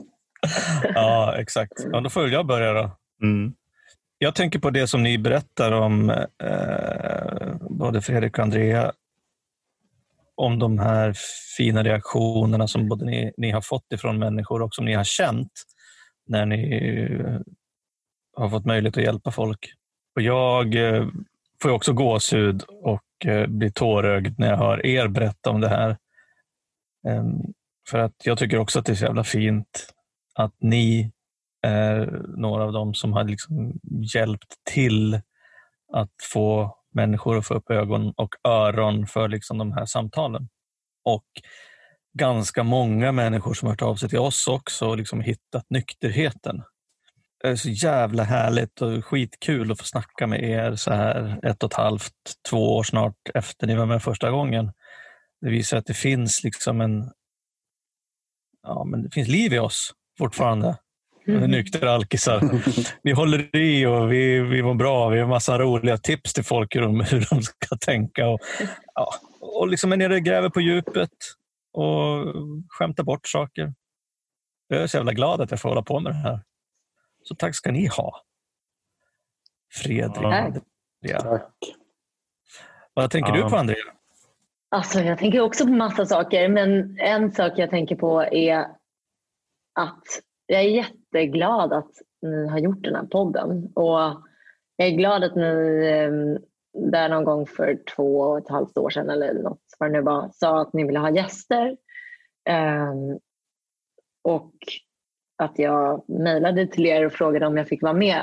För det var faktiskt, när jag, jag, jag har tänkt på det, att det var lite startskottet för för nästa nivå i min nykterhet. faktiskt. Att det var, jag hade liksom varit nykter i min, ja, Eh, mina polare och familj och så här visste ju det. Men, men det var liksom en ny nivå för mig av att vara stolt över att vara nykter. Eh, och att våga, våga stå för det. Och det är väl egentligen det jag, jag eh, tycker är så häftigt. Att någonting som man har skämts över så otroligt mycket kan vara någonting som man faktiskt är stolt över. Att det, jag är stolt över att jag har en sjukdom, eh, eller jag är alkoholist, men jag kan faktiskt göra någonting åt det. Och det har jag gjort. Och det har lett till att jag har fått ett sånt sjukt jäkla bra liv nu, alltså, som jag hade faktiskt inte kunnat drömma om. Och varje gång man hör folk säga, säga det så det kanske låter lite klyschigt, men alltså nej. Jag vaknar faktiskt varje morgon och går ut i min lilla trädgård och känner gräset och sen så tittar jag på min gulliga lilla hund. Och sen så hör jag liksom fåglarna kvittra och tänker bara, kan man ha det så här bra? Kan jag vara så här lycklig? och det kan man. Man kan det Det tänker jag faktiskt. på. Ja. Fredrik, vad tänker du? Jag tänker ju att det är så fint att få ha möjlighet att vara med i det här. Och liksom fjärilsvingseffekten eller vad den heter av det här känns ju också så sjukt magisk. Vad det här kan påverka liksom, folk framåt. Eh, och det, det är också ni är så fina som personer. När jag träffade er första gången så var det som att jag hade känt er jättelänge. Liksom. Och det är också, jag tror att det är jätteviktigt att det finns den här typen av plattform för att prata om alkoholism. När jag var uppe i Piteå där så var det liksom en tempelriddarorder, liksom den, och jag vill absolut inte förminska det, men det kändes lite som ett, det här kanske är, skulle jag komma hit som nykter första gången skulle det vara jättesvårt att greppa. Jag tror att Mm. det ni gör är ett superbra sätt för folk att få kunna närma sig det här utan att och kunna tvätta bort skammen liksom, lättare. Mm. I love you guys. Ja, detsamma. Jag tycker det är så stort att vi del, dels att vi ses igen. Att, Mm. eh, att det här liksom samtalet har pågått och pågår. Och att vi kan liksom jacka in i någonting som blir eh, liksom på djupet direkt. Utan att för den skull vara så här allvarligt och eh, så. Utan så här, vi, vi pratar om det som är eh, viktigt. Mm. Och det är så jäkla befriande att kunna göra det och samtidigt kunna liksom skämta om sig själv. Den där, eh, den där självkritiken där som, som var på, på max förut. Där. Ja, men han är nog fortfarande där lite nu och då. Men jag vet, att, eh, jag vet i vart fall till slut att det inte är sant. Och det är ju den stora skillnaden idag. Ja, det är magiskt faktiskt. Så jag får också någon form av så här, ett lite återfunnen liksom, ny kärlek för samtalet. Skulle jag vilja kalla det. Det är så här, men så här, avsnitt 100. Man kan tänka så här, hur mycket finns det att prata om egentligen? Men det finns ju hur mycket som helst att prata om. Vi skulle kunna ha haft det här samtalet i en och en halv timme till. Mm. Det hade inte varit några konstigheter överhuvudtaget. Nej. Ehm, Jag kom på att det är ju midsommar också nu på fredag. Om vi hade gått in på det ämnet hade vi kunnat Mm. också prata i hundra miljoner år. Men det Ja, behöver exakt. vi inte. Nej. nej, precis. Nej, det här släpps ju veckan efter midsommar. Mm. Och, eh, men sen, sen så liksom jag blev jag blev också påmind om eh, det som har hänt i mitt liv sen vi sågs. Och eh, hur viktigt det är för mig att, att fortsätta samtalet med mig själv, antar jag. Och att, eh, och att fortsätta samtalet med andra, oavsett om det är i podden eller utanför. Och att det är genom de samtalen som jag kan få syn på mig själv. Mm. Det är liksom i det där, i det där mötet som magi sker på något vis. Mm. Och sen att det faktiskt eh, handlar om liv eller död. Det vet jag faktiskt inte om vi har pratat om i något avsnitt, men det ska vi nog ta och göra. Det är lätt att man när man pratar om alkoholism vill liksom ändå vara lite positiv och snacka om att ah, men det, det går att bli bra. Och, liksom. Och det är ju faktiskt viktigt som du säger att prata om den, där, den riktigt allvarliga sidan i det. Mm. Och att det är den som också kan få en att känna sån jäkla tacksamhet sen. Mm. Så att man blir lite så här som tjuren Ferdinand eller som Fredrik snackade om att man bara åh, syren. Jag blir lycklig. Liksom. Det är ju så himla magiskt. Liksom. Men hörni, vad, vad skulle ni vilja skicka med till lyssnarna där ute som, eh, som sista hälsning? Släpp taget. Mm. Våga, våga hoppa ut för stupet. Det är värt det. Den korta, korta versionen. Mm. Ja, och jag hade nog eh, sagt att det är aldrig för tidigt eller för sent att be någon om lite hjälp. Mm. Just det. faktiskt. Eller bara gå på ett tolvstegsmöte och kolla läget. Mm. Ge sig själv liksom en chans att kolla in vad det är att vara nykter på riktigt. För egen del så tänker jag så här att eh, fan, ha en riktigt jävla skön sommar. tänker jag. Och, eh, och kom ihåg att eh, det finns alternativ till att eh, dricka om man känner att man inte vill. Det kanske inte Mm. känns som det, men det går. Och om ni känner att ni vill ha hjälp med det så får ni alltid mejla till oss på alkispodden.gmail.com eller skriva ett meddelande på Instagram eller på Facebook. Eh, vi kollar mejlen i princip varje dag och svarar så snabbt vi kan. Ta hand om er helt enkelt. Och Fredrik, Andrea, tack så jäkla mycket för att ni ville återbesöka samtalet och vara med här igen. Tack. Tack. Tack, Tack. för att jag får med. Det var Magiskt. jättekul. ja, vi får väl se, det kanske blir en tredje gång också. Ja, Hoppas det. Ja. 200, Två. 200, 200 årsjubileum. Precis. Vem vet? Ja. Tack så mycket hörni. Tack så mycket. Ha det så bra. Ha det fint. hej hej. Kram, kram.